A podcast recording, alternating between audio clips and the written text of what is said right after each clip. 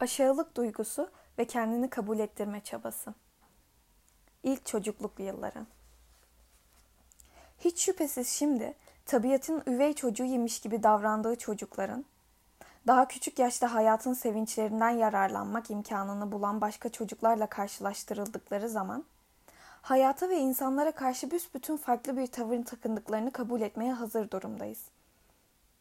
Dünyaya bir takım organik kusurlar ve yetersizliklerle gelen çocukların, küçük yaşlarından beri çoğu zaman sosyal duygularının engellenmesine yol açan acı bir yaşama savaşına giriştiklerini temel bir yasa olarak ortaya koyabiliriz.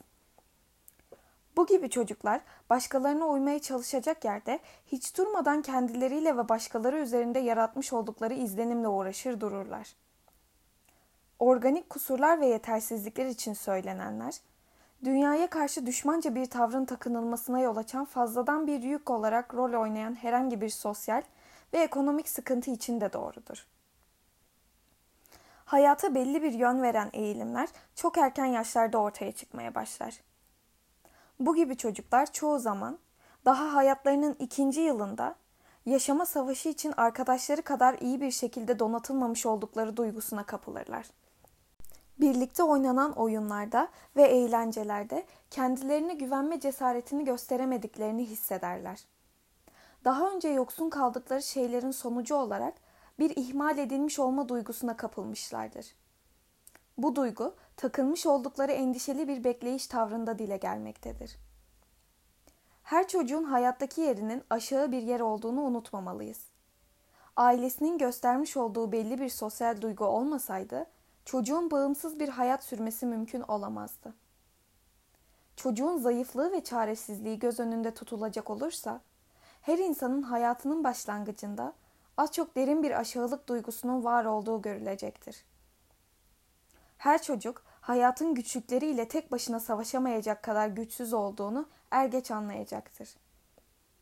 Bu aşağılık duygusu her türlü çocukça çabanın kaynağı olan bir hareket noktası, bir itici güç olarak rol oynamaktadır. Çocuğun huzur ve güvenliğe nasıl ulaşacağını belirlemekte, hayatının gayesini belirlemekte ve bu gayeye götürecek yolu çizmektedir. Bir çocuğun eğitilebilir olması, organik imkanlarına sıkı sıkıya bağlı olan bu özel durumu ile ilgilidir. Eğitilebilir olma iki etkenden zararlı bir şekilde etkilenebilir. Bu etkenlerden biri aşırı şiddetli ve çözümlenmemiş bir aşağılık duygusudur. Öbürü ise yalnızca güvenlik, huzur ve sosyal dengeye ulaşmayı değil, aynı zamanda kendi gücünü çevreye kabul ettirme çabasını ve başka insanlardan üstün olma isteğini de gerektiren bir gayenin benimsenmiş olmasıdır. Kendilerine bu gibi bir gaye edinmiş olan çocukları kolayca tanımak mümkündür. Her yaşantıyı bir yenilgi olarak yorumladıkları ve kendilerini hem başka insanlar hem de tabiat tarafından ihmal edilmiş ve olumsuz bir anlamda başkalarından farklı tutulmuş olarak gördükleri için bu gibi çocuklar problem çocuklar halini almışlardır. Bütün bu etkenler göz önünde tutulduğu zaman böyle bir çocuğun hayatında hatalı, yetersiz ya da çarpık diyebileceğimiz bir gelişmenin nasıl bir zorunlulukla ortaya çıkabileceğini görmek mümkündür. Her çocuk hatalı bir gelişme tehlikesiyle karşı karşıyadır. Her çocuk şu ya da bu zamanda kendini tehlikeli bir durum içerisinde bulmaktadır. Her çocuk yetişkinlerden oluşmuş bir çevre içerisinde büyümek zorunda olduğu için kendini zayıf, küçük ve yalnız başına yaşayamayacak kadar güçsüz hissetme eğilimindedir. Yapabileceğini düşündüğümüz basit şeyleri bile doğru, hatasız ve becerikli bir şekilde yapabileceğine güvenmemektedir. Eğitim hatalarımızdan birçoğu buradan ileri gelir. Yapabileceğinden daha çok şey istemekle, çocuğun güçsüzlüğünü ve çaresizliğini yüzüne vurmuş oluruz. Hatta bazı çocuklara bile bile küçüklükleri ve çaresizlikleri hissettirilmektedir. Bazıları sanki oyuncakmış, canlı bir bebekmiş ya da dikkatle gözetilmesi gereken değerli bir eşyaymış gibi görülmekte. Bazılarına da gereksiz bir yük oldukları hissettirilmektedir. Ana babalar ve başka yetişkinlerdeki bu gibi tavırların bir araya gelmesi çoğu zaman çocuğu yalnızca iki şey gücünün yettiği gibi bir inanca götürür. Büyüklerin hoşuna gitmek ya da gitmemek. Ana babaların yaratmış olduğu bu çeşit bir aşağılık duygusu, uygarlığımızın bazı ayırt edici nitelikleriyle daha da artabilir.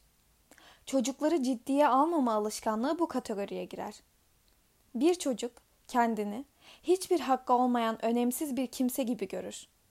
Bir kenarda oturup büyüklerin lafına karışmaması gereken, nazik, sessiz olmak zorunda bulunan bir kimse gibi. Çocukların çoğu başkaları onunla alay edecekler diye sürekli bir korku duyarak büyür. Çocuklarla alay etmek ağır bir suçtur. Bunun etkileri çocuğun ruhunda izler bırakır.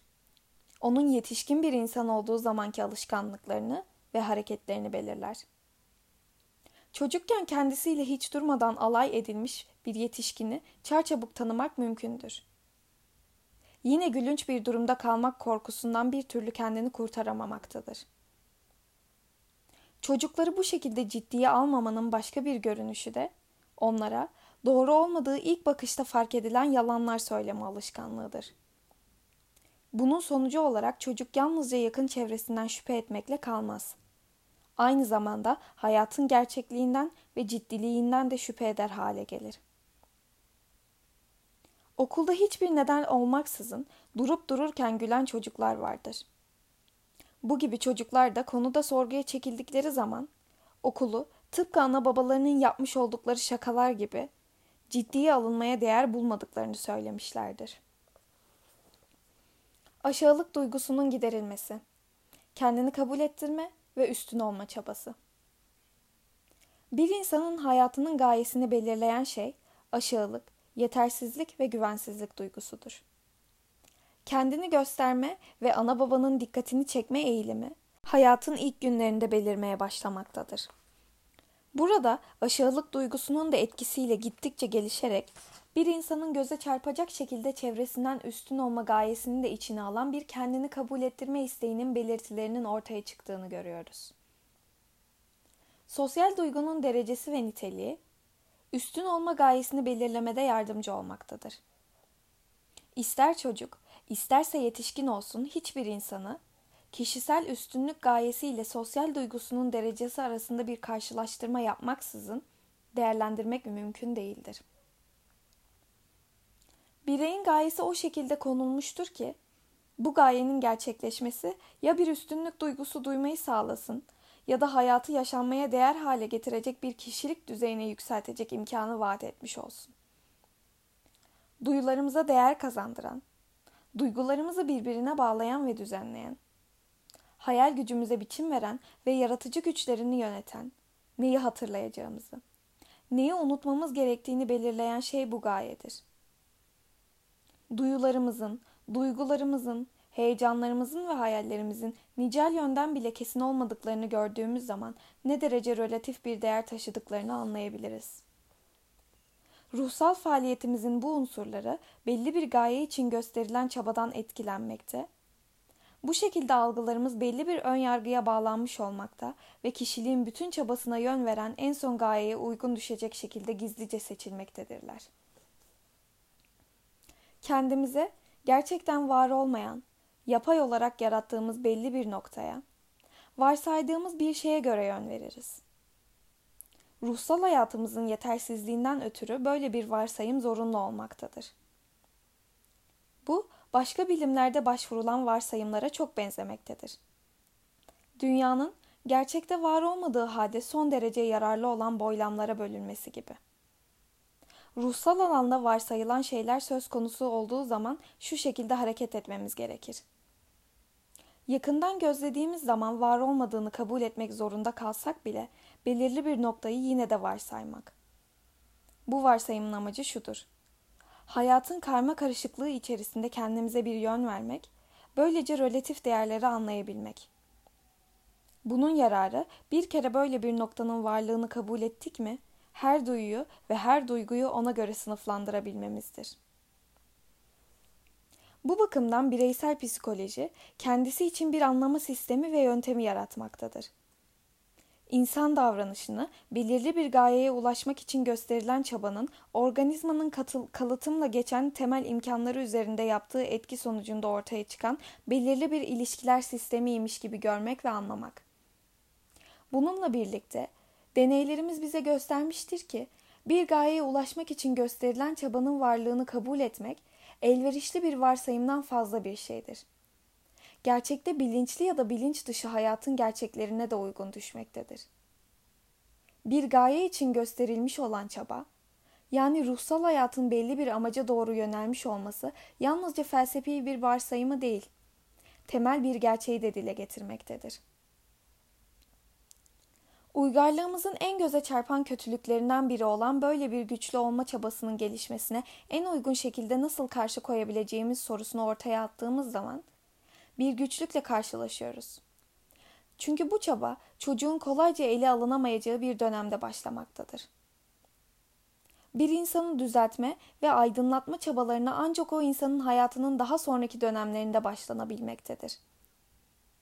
Ama bu dönemde çocukla birlikte yaşamak onun sosyal duygusunu geliştirme konusunda öylesine bir imkan yaratmaktadır ki güçlü olmak için gösterilen çaba ihmal edilebilir bir etken haline gelmektedir. Başka bir güçlük de şudur. Çocuklar güçlü olmak için gösterdikleri çabayı açıkça dile getiremezler. Onu sevgi perdesi altına gizlerler ve işlerini perde arkasında yürütürler. Böylece kendi imkanları içerisinde kendilerini açığa vurmaktan kurtulmayı umarlar. Durdurulmamış, dizginlenmemiş bir güçlü olma çabası çocuğun ruhsal gelişmesinde bozukluklar yaratabilir.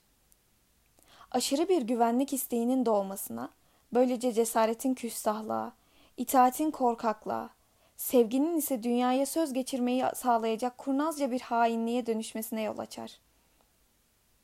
Her tabii duygu ya da ifade önünde sonunda çevreye egemen olma amacını güden iki yüzlü bir düşünce ile birlikte gider. Eğitim, çocuğun güvensizliğini gidermek gibi bilinçli ya da bilinç dışı bir istek, ona yaşama yollarını öğretme ve eğitilmiş olmaktan ileri gelen bir anlayış kazandırma, onu başka insanlara yönelen bir sosyal duygu ile donatma çabası dolayısıyla çocuk üzerinde belli bir etkide bulunur. Bütün bu önlemler hangi kaynaktan gelmiş olursa olsunlar yetişmekte olan çocuğu güvensizliğinden ve aşağılık duygusundan kurtaracak araçlar olarak rol oynarlar. Böyle bir süreç boyunca çocuğun ruhunda olup bitenleri geliştirmiş olduğu karakter özellikleriyle değerlendirmek zorundayız. Çünkü bunlar çocuğun ruhsal faaliyetinin aynasıdırlar.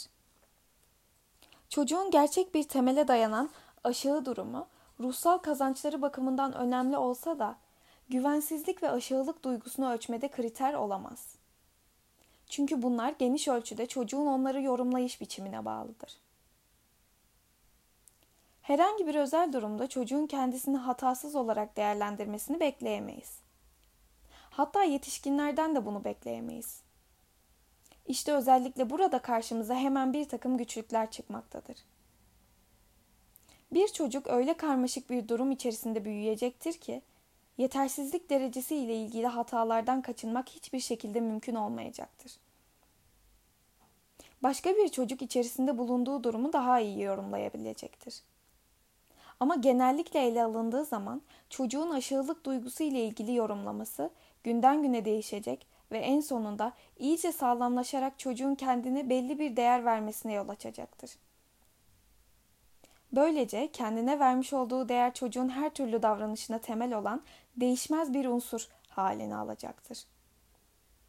Bu belirli norma ya da değişmez bir unsur olarak kendine vermiş olduğu değere göre çocuğun aşağılık duygusundan kurtulmak için yaratmış olduğu telafi eğilimleri şu ya da bu gibi gayeye doğru yönelmiş olacaktır.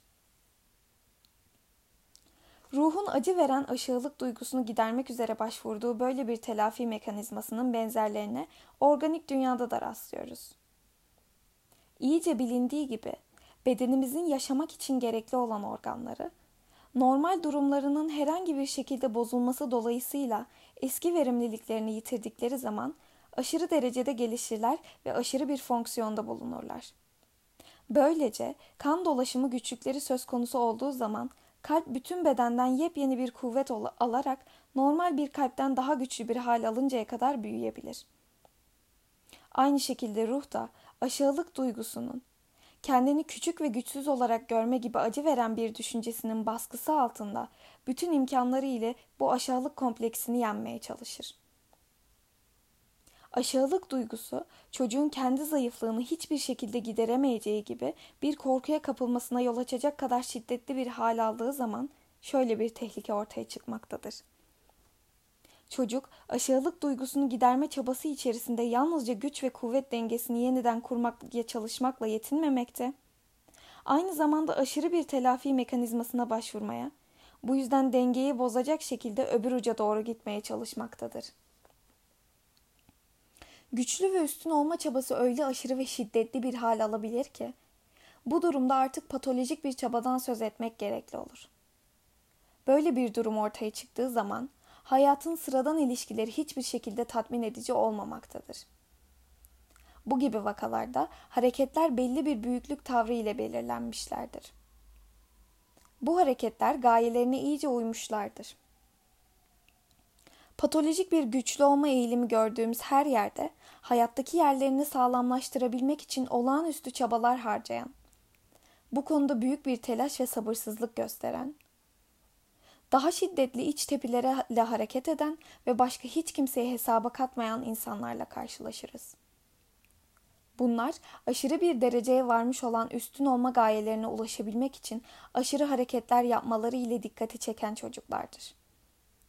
Başkalarının hayatına karşı gösterdikleri saldırgan davranışlar kendi hayatlarını savunma ihtiyaçları ile birlikte gitmektedir. Onlar dünyaya karşıdır. Dünya da onlara karşıdır. Bu ihtiyacın her zaman kelimenin en kötü anlamıyla ortaya çıkması gerekmez. Güçlü olma çabalarını doğrudan doğruya toplumla çalışmayacak şekilde dile getiren çocuklar da vardır. Ve bunların harisliklerinde herhangi bir anormal özellik göze çarpmayabilir. Bununla birlikte faaliyetlerini ve başarılarını dikkatle incelediğimiz zaman genellikle toplumun onların başarılarından yararlanmadığını görürüz. Çünkü hırsları, sosyal olmayan bencil bir nitelik taşımaktadır. Haris olmaları yüzünden hep başka insanların yolunu engelleyen bozucu unsurlar olarak rol oynamaktadırlar.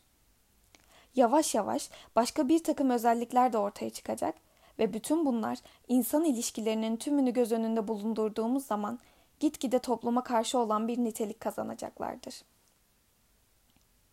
Bu gibi görünüşlerin başında böbürlenme, boş gurur ve her ne pahasına olursa olsun herkesten üstün olma isteği gelmektedir.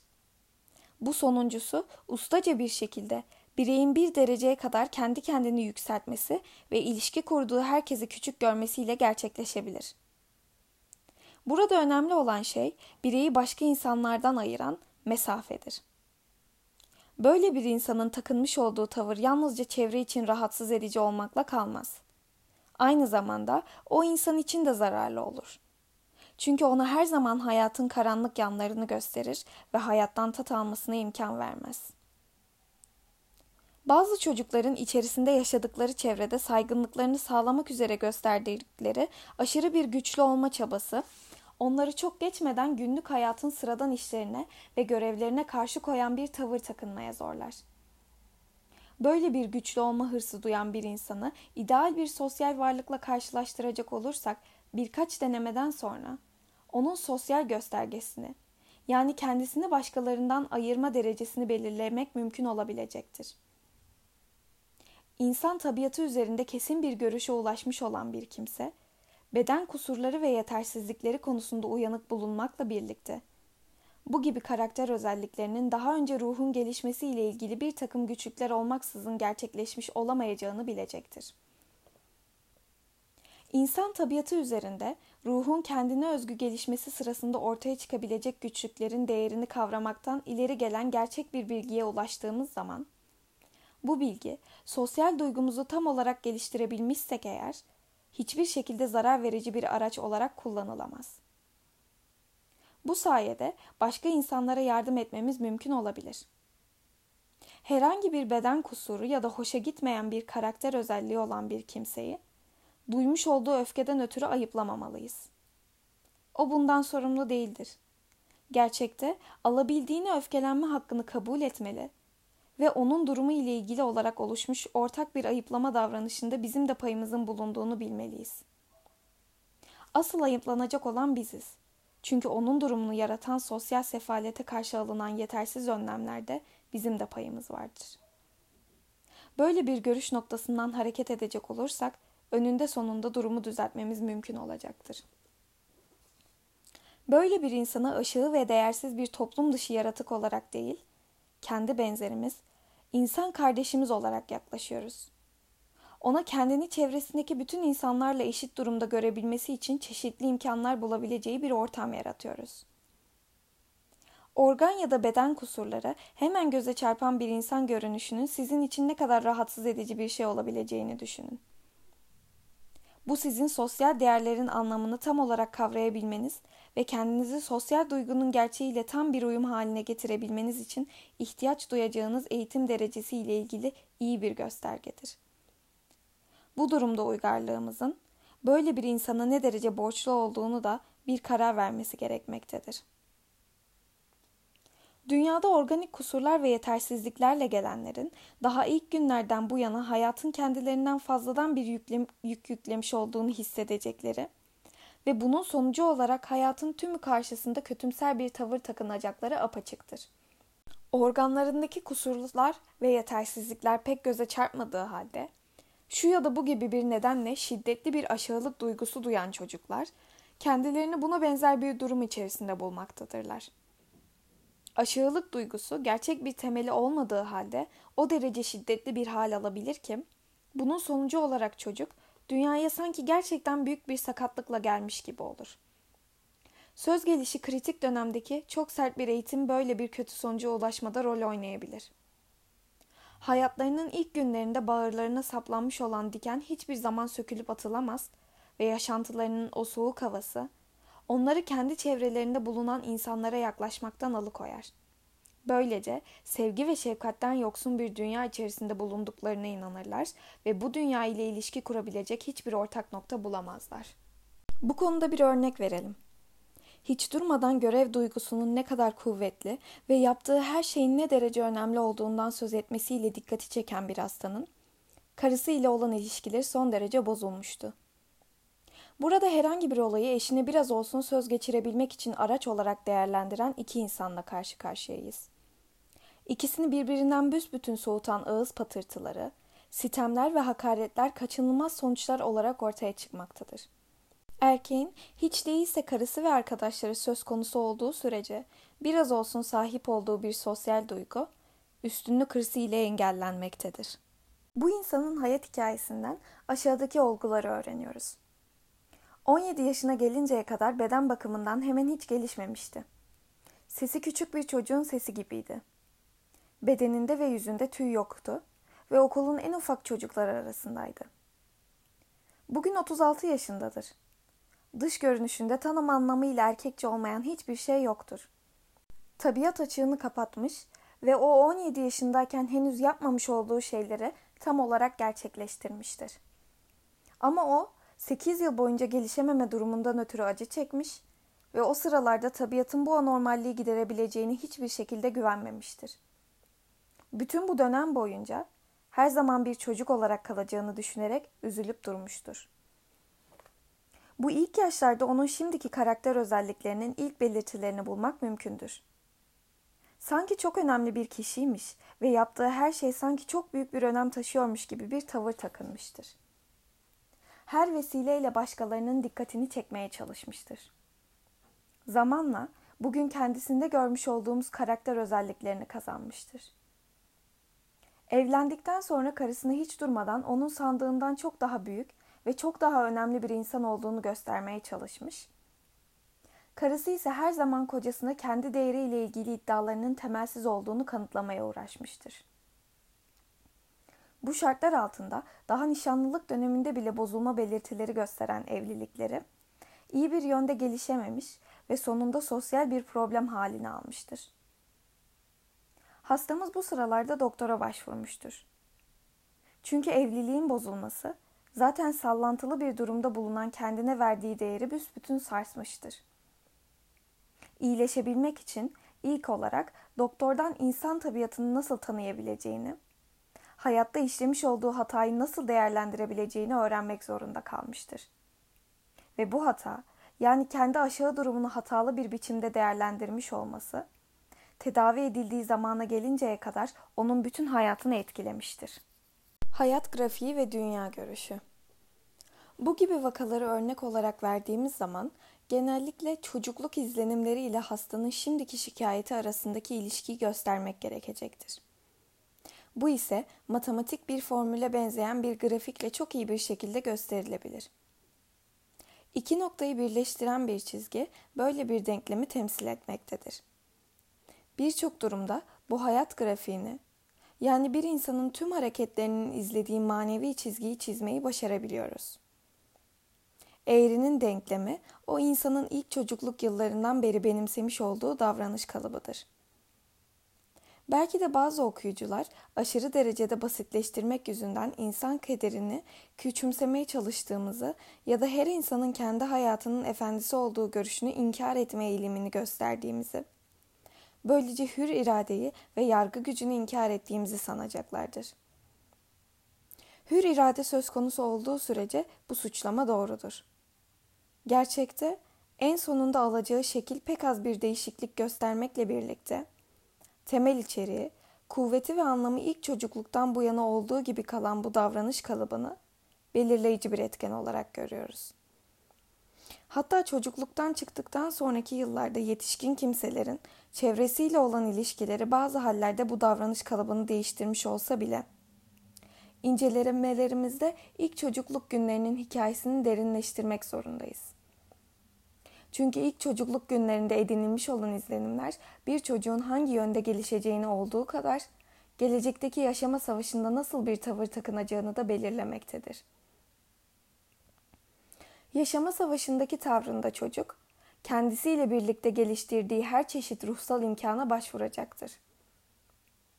İlk çocukluk günlerinde etkisini hissetmiş olduğu özel baskı, hayata karşı tavrını belirleyecek ve ilkel bir biçimde dünya görüşünü ve hayat felsefesini şekillendirecektir.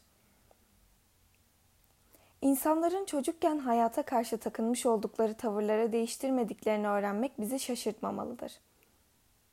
Bununla birlikte bu tavır daha sonraki hayatta ilk çocukluk günlerindekinden farklı bir biçimde ifade edilmektedir. Bu bakımdan çocuğu sahte bir hayat görüşü edinmesine meydan vermeyecek ilişkiler içerisinde yetiştirmek gerekir. Çocuğun beden gücü ve dayanıklılığı bu süreçte önemli bir etken olarak rol oynar. Sosyal durumu ve onu yetiştirenlerin karakter özellikleri de aynı derecede önemlidir. Hayata karşı göstermiş olduğu tepki, başlangıçta kendiliğinden ortaya çıkan, otomatik bir tepki olmakla birlikte tepki tipleri daha sonraki hayatta belli bir gayeye göre şekil değiştirir.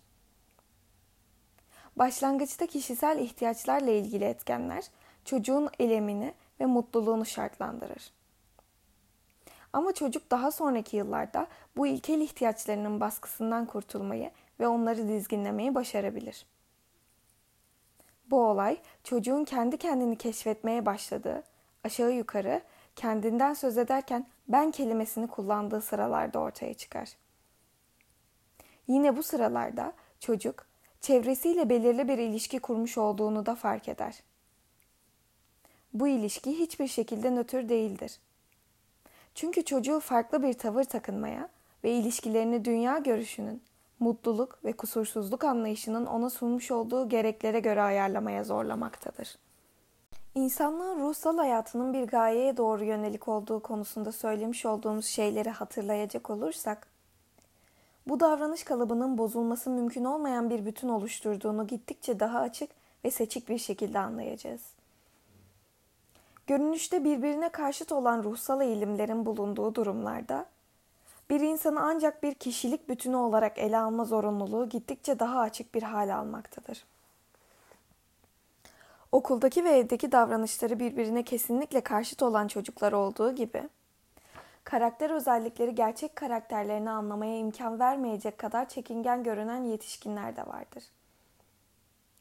Aynı şekilde dıştan bakıldığı zaman hareketleri ve kendilerini açığa vurma biçimleri birbirinin aynı gibi gözükmekle birlikte temel davranış kalıpları incelendiği zaman birbirlerinden büsbütün farklı oldukları anlaşılan iki insana da rastlamak mümkündür. İki insan aynı şeyi yaparmış gibi göründükleri halde gerçekte her biri ötekinden farklı, apayrı bir şey yapmış olabilir. Buna karşılık görünüşte farklı şeyler yapan iki insan da gerçekte aynı şeyi yapmış olabilir. Bu şekilde birçok anlamın mümkün olması dolayısıyla ruhsal hayatın görünüşleri tek bir hiçbir zaman tek başlarına değerlendiremeyiz. Tersine onları yönelmiş oldukları temel gayeye göre değerlendirmek zorundayız.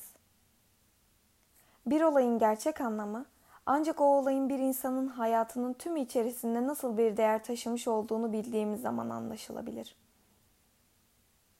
Bir insanın ruhsal hayatını ancak o insanın hayatını dile getiren her türlü hareketi temel davranış kalıbının bir görünüşü olarak gördüğümüz zaman anlayabiliriz. Bütün insan davranışının bir gayeye ulaşmak için gösterilen çabaya dayandığını, yani başlangıç noktaları ile olduğu kadar gayeleriyle de şartlandırılmış bulunduğunu sonunda kavrayabildiğimiz zaman en büyük hataların nereden ileri gelebileceğini de anlamış oluruz. Bu hataların kaynağı her birimizin kendi başarılarımızı ve ruhsal imkanlarımızı kendi özel davranış kalıbımıza göre ve bireysel yaşama kalıbımızı güçlendirecek şekilde kullanmış olmamızdır. Bu ancak herhangi bir şeyin doğru olup olmadığını sınamaya çalışacak yerde bütün algılarımızı kendi bilincimizin gölgesi altında ya da bilinç dışı hayatımızın derinliklerinde algılamamış olmamız, değiştirmemiz ve kendimize mal etmemiz sonucunda mümkün olmaktadır. Bu süreci yalnızca bilim aydınlatabilir ve anlaşılabilir bir hale getirebilir ve yine yalnızca bilim onu değiştirebilir. Bu noktadaki açıklamalarımızı bir örnekle bitirmek istiyoruz. Bu örnekle ilgili her olayı daha önce öğrenmiş olduğumuz bireysel psikolojinin kavramları ile çözümlemeye ve açıklamaya çalışacağız. Genç bir kadın hasta, hayata karşı duyduğu giderilmez bir tatminsizlik duygusundan şikayet etmektedir. O bu duygunun bütün gününü dolduran çeşitli görevlerin çokluğundan ileri geldiğine inanmaktadır. Dıştan bakıldığında onun telaşlı bir insan olduğunu görebiliyoruz. Bakışlarındaki tedirginliği ve basit bir iş yapmak zorunda kaldığı zaman her seferinde büyük bir huzursuzluktan yakındığını fark ediyoruz. Ailesinden ve dostlarından her şeyi ciddiye aldığını ve yaptığı işin yükü altında ezildiğini öğreniyoruz. Üzerimizde bıraktığı izlenim birçok insanın ortak özelliği olan her şeyi gerektiğinden çok ciddiye alma gibi bir ayırt edici nitelikle belirlenmiş bir insan olduğudur. Ailesindeki bireylerden biri onun için her şeyi büyük bir sorun haline getirir. Demekle bu konuda bize bir ipucu vermiştir. Her türlü basit işi bu şekilde son derece ağır ve önemli bir iş olarak görme eğiliminin bir takım insanlar üzerinde ve evlilik ilişkilerinde nasıl bir etkide bulunabileceğini düşünmeye çalışalım. Böyle bir eğilimin artık en basit işleri bile yapamayan bir insanın herhangi bir iş yapmaya zorlanmaması için çevresindekilere yaptığı bir çareyi dile getirdiğini görmemezlikten gelemeyiz. Bu kadının kişiliği konusunda henüz tam bir bilgimiz yoktur. Kendisi hakkında biraz daha bilgi vermesi için onu teşvik etmek gerekecektir. Bu gibi incelemelerde üstü kapalı bir şekilde ve gereken incelikle davranmak zorundayız hastaya otoriter bir şekilde davranmamamız gerekir. Çünkü böyle bir davranış onda düşmanca bir tavır uyandırmaktan başka bir işe yaramayacaktır. Bir kere onun güvenini kazandıktan ve karşılıklı konuşma imkanı sağlandıktan sonra bütün varlığıyla yalnızca tek bir gaye ile ilgilenmiş olduğu sonucuna varıyoruz. Davranışı bize şunu göstermektedir. Birisine büyük bir olasılıkla kocasına artık herhangi bir yükümlülük ve sorumluluk taşımaya katlanamayacağını, kendisine ilgi ve şefkatle davranılmasını istediğini göstermeye çalışmaktadır. Böyle bir tavrın geçmişte belirli bir dönemde başladığını ve bu gibi yükümlülüklerin o sırada kendisinden kesinlikle istenmiş olduğunu tahmin edebiliriz. Yıllar önce bu kadının en çok ihtiyaç duyduğu şeyin şefkat gösterilmek olduğu bir dönemden geçmek zorunda kaldığını itiraf etmesini sağlayabiliyoruz. Şimdi onun davranışını daha iyi anlayabiliyoruz. Böyle bir davranış, onun ilgi görmek istediğini kuvvetlendiren bir tavrı ve şefkat görmek için duyduğu şiddetli ihtiyacın her nedense tatmin edilemediği bir durumun yeniden ortaya çıkmasını önlemeye yönelik bir çabayı dile getirmeye çalıştığını göstermektedir. Bulgularımız onun yaptığı bir açıklama ile daha da sağlamlaştırılmıştır. Birçok bakımdan kendisinin tam tersi olan, yapmış olduğu mutsuz bir evlilikten kurtulmak isteyen bir arkadaşından söz açmıştır. Bir gün bu arkadaşını ayakta, elinde bir kitap, kocasına tatsız bir sesle o gün yemek hazırlayacak hali olmadığını söylerken yakalamıştır. Bu sözler kadının kocasını öfkelendirmiş, bu yüzden karısının bütün kişiliğinin acı acı eleştirmesine yol açmıştır. Bu olayla ilgili olarak hastamız şunları söylemektedir. Bu olayı düşündüğüm zaman benim tuttuğum yolun çok daha iyi olduğunu sanıyorum. Kimse bana bu şekilde acı sözler söyleyemiyor. Çünkü ben sabahtan gece yarılarına kadar işten başımı alamıyorum. Benim evimde bir öğle yemeği vaktinde hazır olmadığı zaman kimse bana bir şey diyemiyor. Çünkü benim bütün zamanım telaş, acele ve sürekli bir didinme içerisinde geçiyor. Şimdi tuttuğum bu yoldan vazgeçmem doğru olur mu? Bu ruhta olup bitenleri anlamak mümkündür oldukça zararsız bir şekilde belli bir üstünlüğe ulaşmaya çalışmakta. Ama aynı zamanda hiç durmadan şefkat görmek isteğinde bulunmakta her türlü acı söz ve sitemden de kendini kurtarmaktadır. Böyle bir mekanizma başarılı olduğu için ondan vazgeçmesini istemek pek akla uygun görünmemektedir. Ne var ki davranışı daha fazla bir şeyler de ifade etmektedir. Şefkat görmek için yaptığı çağrı, bu aynı zamanda başkalarına söz geçirme çabasını da dile getirmektedir.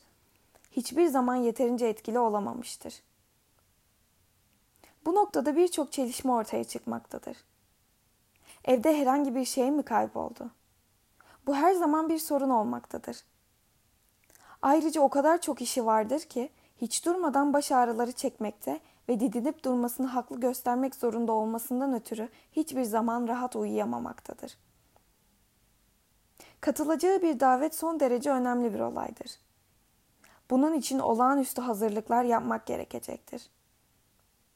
En küçük bir faaliyet bile ona gerektiğinden çok daha ağır geldiği için bir daveti kabul etmek ona göre saatlerce ve günlerce hazırlanmayı gerektiren güç bir iştir.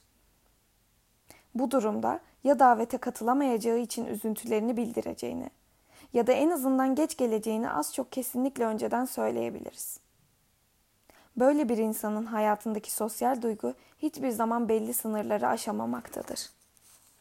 Evlilik hayatında bu şefkat görme ihtiyacı ya da çağrısı dolayısıyla özel bir önem kazanan bir sürü ilişki vardır. Söz gelişi, bir kocanın işi yüzünden eve gelmemesi, tek başına ziyaretler yapmak ya da üyesi olduğu derneklerin toplantısına katılmak zorunda kalması mümkündür. Karısını bu gibi durumlarda evde yalnız bırakması şefkat ve ilgi gösterme konusunda bir ihmal değil midir? İlk olarak şunu söyleyebiliriz. Evlilik bir erkeğin mümkün olduğu kadar evde tutmayı haklı göstermektedir ve çoğu zaman da durum budur. Böyle bir yükümlülük bir dereceye kadar hoş görülebilirse de gerçekte, meslek sahibi bir erkek için katlanılmaz güçlükler yaratmaktadır. Bu gibi durumlarda karı koca arasındaki uyumsuzluk kaçınılmaz olacaktır. Nitekim yukarıda söz konusu edilen durumda çarçabuk bu gibi uyumsuzlukların ortaya çıktığını görüyoruz. Koca bazı geceler karısını uyandırmadan yatağa girmeye çalışmış ama onu hala uyanık bulup da kendisine sistemle baktığını görünce şaşırmıştır. Burada çok iyi bilinen ve bu çeşit durumların hepsini ayrıntılı bir şekilde anlatma gereğini duymuyoruz. Aynı zamanda tartışmakta olduğumuz özellikleri yalnızca kadınlarda rastlanan küçük kusurlar olarak görmemek gerektiğini de biliyoruz. Çünkü birçok erkek de aynı tavrı takınmaktadır. Yalnızca özel bir ilgi görmek isteğinin çoğu zaman farklı bir seyir izleyebileceğini göstermeye çalışıyoruz. üzerinde tartışmakta olduğumuz durumda olay aşağıda belirtildiği şekilde geçmiş olmalıdır. Koca şu ya da bu gibi bir nedenle bir akşamı dışarıda geçirmek zorunda kaldığı zaman karısı ona toplantılara bu kadar seyrek olarak katılmış olduğu için eve her zaman erken gelmek zorunda olmadığını söylemektedir. O bunu şaka yolu bir tonda söylemekle birlikte sözlerinin çok ciddi bir anlamı vardır. İlk bakışta bir önceki izlenimin tersiymiş gibi görünüyorsa da daha yakından baktığımız zaman aradaki bağlantıyı görebiliyoruz. Kadın çok fazla hoşgörüsüz davranmayacak kadar zekidir. Dıştan bakıldığı zaman son derece sevimlidir. Karakterine söyleyecek bir şey yoktur. O bizi burada yalnızca psikolojik yönden ilgilendirmektedir. Kocasını söylemiş olduğu sözlerin gerçek anlamı, ultimatomu gerçekte kadının verdiğini göstermektedir. Şimdi o bunu müsaade ettiğine göre kocası da eve geç dönebilirdi. Oysa eğer erkek kendisinin uygun bulduğu nedenlerle geceyi dışarıda geçirmiş olsaydı, kadın kendini fena halde incinmiş ve küçük düşürülmüş hissedecekti. Kadının sözleri sanki bütün bu durumun üstüne bir perde çekmektedir. Böylece o yönetici durumuna geçmekte, kocası ise sosyal yükümlülüklerini yerine getirmekle birlikte karısının isteğine ve iradesine bağımlı bir hale gelmektedir. Şimdi özel bir şefkat görmek için duyulan bu ihtiyacı, bu kadının böyle bir duruma ancak emir veren kendisi olduğu zaman katlanabildiği gerçeğiyle bağlantılı hale getirelim. Birdenbire bu kadının hayatı boyunca hiçbir zaman ikinci planda kalmamak, hep kendi dediğini kabul ettirmek, herhangi bir acı söz ve sitem işiterek güvenliliğini yitirmemek, her zaman kendi küçük dünyasının merkezinde kalmak gibi bir iç tepiyle hareket ettiğini fark ediyoruz.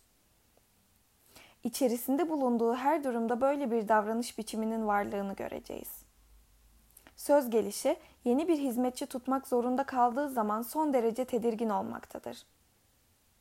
Burada yeni hizmetçiye de eskisi kadar söz geçirip geçiremeyeceği konusu ile ilgilendiği apaçıktır. Aynı şekilde bir gezinti yapmak üzere evden çıkacağı zaman kayıtsız şartsız egemen olduğu bir alandan uzaklaşmış olmakta ve kendini dış dünya içerisinde birdenbire artık hiçbir şeyin kendisine bağlı olmadığı bir sokakta bulmaktadır. Burada gelip geçen otomobillerden kendini kollamak zorunda kalmakta ve gerçekten de bu dış dünyada çok bağımlı bir duruma düşmektedir. Evdeki despotluğunun derecesini anlayabildiğimiz zaman gerginliğinin nedenini ve anlamını son derece açık bir şekilde ortaya çıkmaktadır. Bu ayırt edici nitelikler çoğu zaman öyle hoş şekiller altında ortaya çıkabilir ki insan ilk bakışta o kimsenin acı çektiğini hiçbir zaman fark etmez. Öbür yandan bu acı çok yüksek bir dereceye varmış olabilir. Bu gerginliğin daha aşırı bir hal aldığını ve yaygınlaştığını düşünün. Bir otobüse binmekten korkan insanlar vardır. Çünkü otobüste kendi iradelerinin efendisi değildirler ve bu o dereceye varır ki sonunda evlerinden hiç çıkmak istemezler. İlgilendiğimiz durumda çocukluk izlenimlerinin bir insanın daha sonraki hayatındaki etkisini ışı, ışığa çıkaracak bir örnek daha vardır. Bu kadının kendi görüş açısından kesinlikle haklı olduğu gerçeğini inkar edemeyiz. Eğer bir insanın tavrı ve bütün hayatı olağanüstü bir yakınlık, sevgi, saygı, şefkat ve onur kazanmaya yönelmişse, bu durumda hiçbir zaman üzerinde çok fazla yük varmış ve hep yorgun ve bitkinmiş gibi davranmak bu gayeye götürecek iyi bir araçtır. Eleştirilmekten kurtulmanın, aynı zamanda çevrede bulunan kimseleri kendisini nazik davranmak zorunda bırakmanın ve kararsız bir ruhsal dengeyi bozabilecek her şeyden kaçınmanın en iyi yolu budur. Hastamızın hayatında bir hayli gerilere doğru gidecek olursak, daha okuldayken bile ev ödevini yerine getirmediği zamanlar olağanüstü heyecanlandığını, böylece öğretmeninin kendisine çok yumuşak davranmasını sağladığını öğreniyoruz. Bu bilgiye ek olarak o şunları da söylemiştir. Üç kardeşin en büyüğüymüş. Ondan daha küçük bir erkek kardeşi, bir de her ikisinden de küçük kız kardeşi varmış. Hiç durmadan erkek kardeşiyle çekişir dururmuş. Aile içerisinde herkes erkek kardeşini beğenirmiş. Hiç kimse onun okul çalışmalarının başarılı olup olmamasına aldırış etmediği halde, oysa başlangıçta çok iyi bir öğrenciymiş, herkes erkek kardeşinin okul çalışmalarına ilgi gösterirmiş. Bu yüzden o çok öfkelenirmiş. Sonunda artık buna katlanamaz hale gelmiş ve niçin kendi başarılarına da aynı şekilde değer verilmediği konusunda hiç durmadan sızlanmaya başlamış. Böylece bu küçük kızın eşitlik için çaba harcadığını ve ilk çocukluk yıllarından bu yana yenmeye çalıştığı bir aşağılık duygusu duyduğunu anlayabiliriz. Okul hayatında başvurduğu telafi mekanizması onun kötü bir öğrenci haline gelmesine yol açmıştır.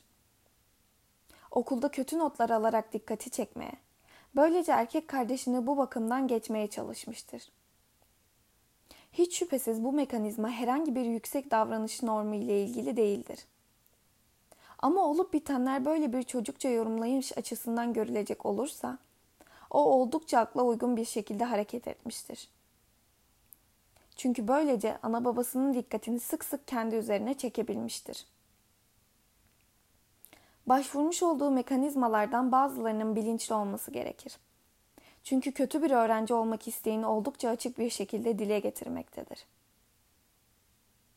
Bununla birlikte ana babası okuldaki başarısızlıkları konusunda kendilerini pek üzmemişlerdir. O zaman ilgi çekici bir durum ortaya çıkmıştır. Birdenbire okul çalışmalarında göze çarpan bir başarı görülmüştür. Çünkü bu sıralarda küçük kız kardeşi yeni bir rolle sahneye çıkmıştır. Bu küçük kız kardeş de okulda başarı gösterememiştir. Ama annesi onun başarısızlığını erkek kardeşin başarısızlığına gösterdiği aynı ilgiyi göstermiştir. Çünkü hastamız yalnızca derslerde başarı göstermediği halde kız kardeşi davranış ve hareketler konusunda kötü notlar almıştır. Böylece küçük kız kardeşi annesinin dikkatini daha kolay çekebilmiştir.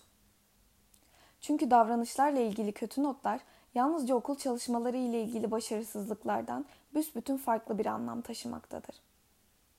Bu gibi kötü davranışlar ana babayı çocukları ile daha çok ilgilenmek zorunda bırakan son derece önemli bir durumu dile getirmektedir. Hastamız eşitlik için yaptığı savaşta geçici olarak yenilgiye uğramıştır. Oysa eşitlik için yapılan savaşta yenilmek hiçbir zaman sürekli bir barışa götürmez. Hiçbir insan böyle bir duruma katlanamaz. Bu bakımdan hastamızın karakterini belirleme konusunda katkıda bulunan yeni eğilimler ve faaliyetlerin hiç durmadan karşımıza çıkacağını beklemek gerekecektir. Şimdi işinin başından aşkın olmasının, her zaman telaş etmesinin, kendini baskı altındaymış gibi göstermek istemesinin anlamını daha iyi anlıyoruz. Başlangıçta bu çabalar annesine yönelmişti. Ve ana babasını kız ve erkek kardeşlerini olduğu kadar kendisine de dikkat göstermek zorunda bırakma amacını güdüyordu. Aynı zamanda ana babasının kendisine kardeşlerinden daha kötü davranmış olmaları yüzünden onlara yaptığı bir sitemi de dile getiriyordu. O zaman yaratılmış olan temel tavır bugüne kadar süre gelmiştir. Bu kadının hayatının daha önceki dönemlerine kadar da gidebiliriz. Çocukluğunda başından geçen son derece etkileyici bir olayı hatırlamaktadır. Yeni doğmuş olan erkek kardeşini sopa ile vurmak istemiş ama annesinin dikkati sayesinde bebeğe büyük bir zarar vermesi önlenmiştir. O bu sıralarda 3 yaşındaymış.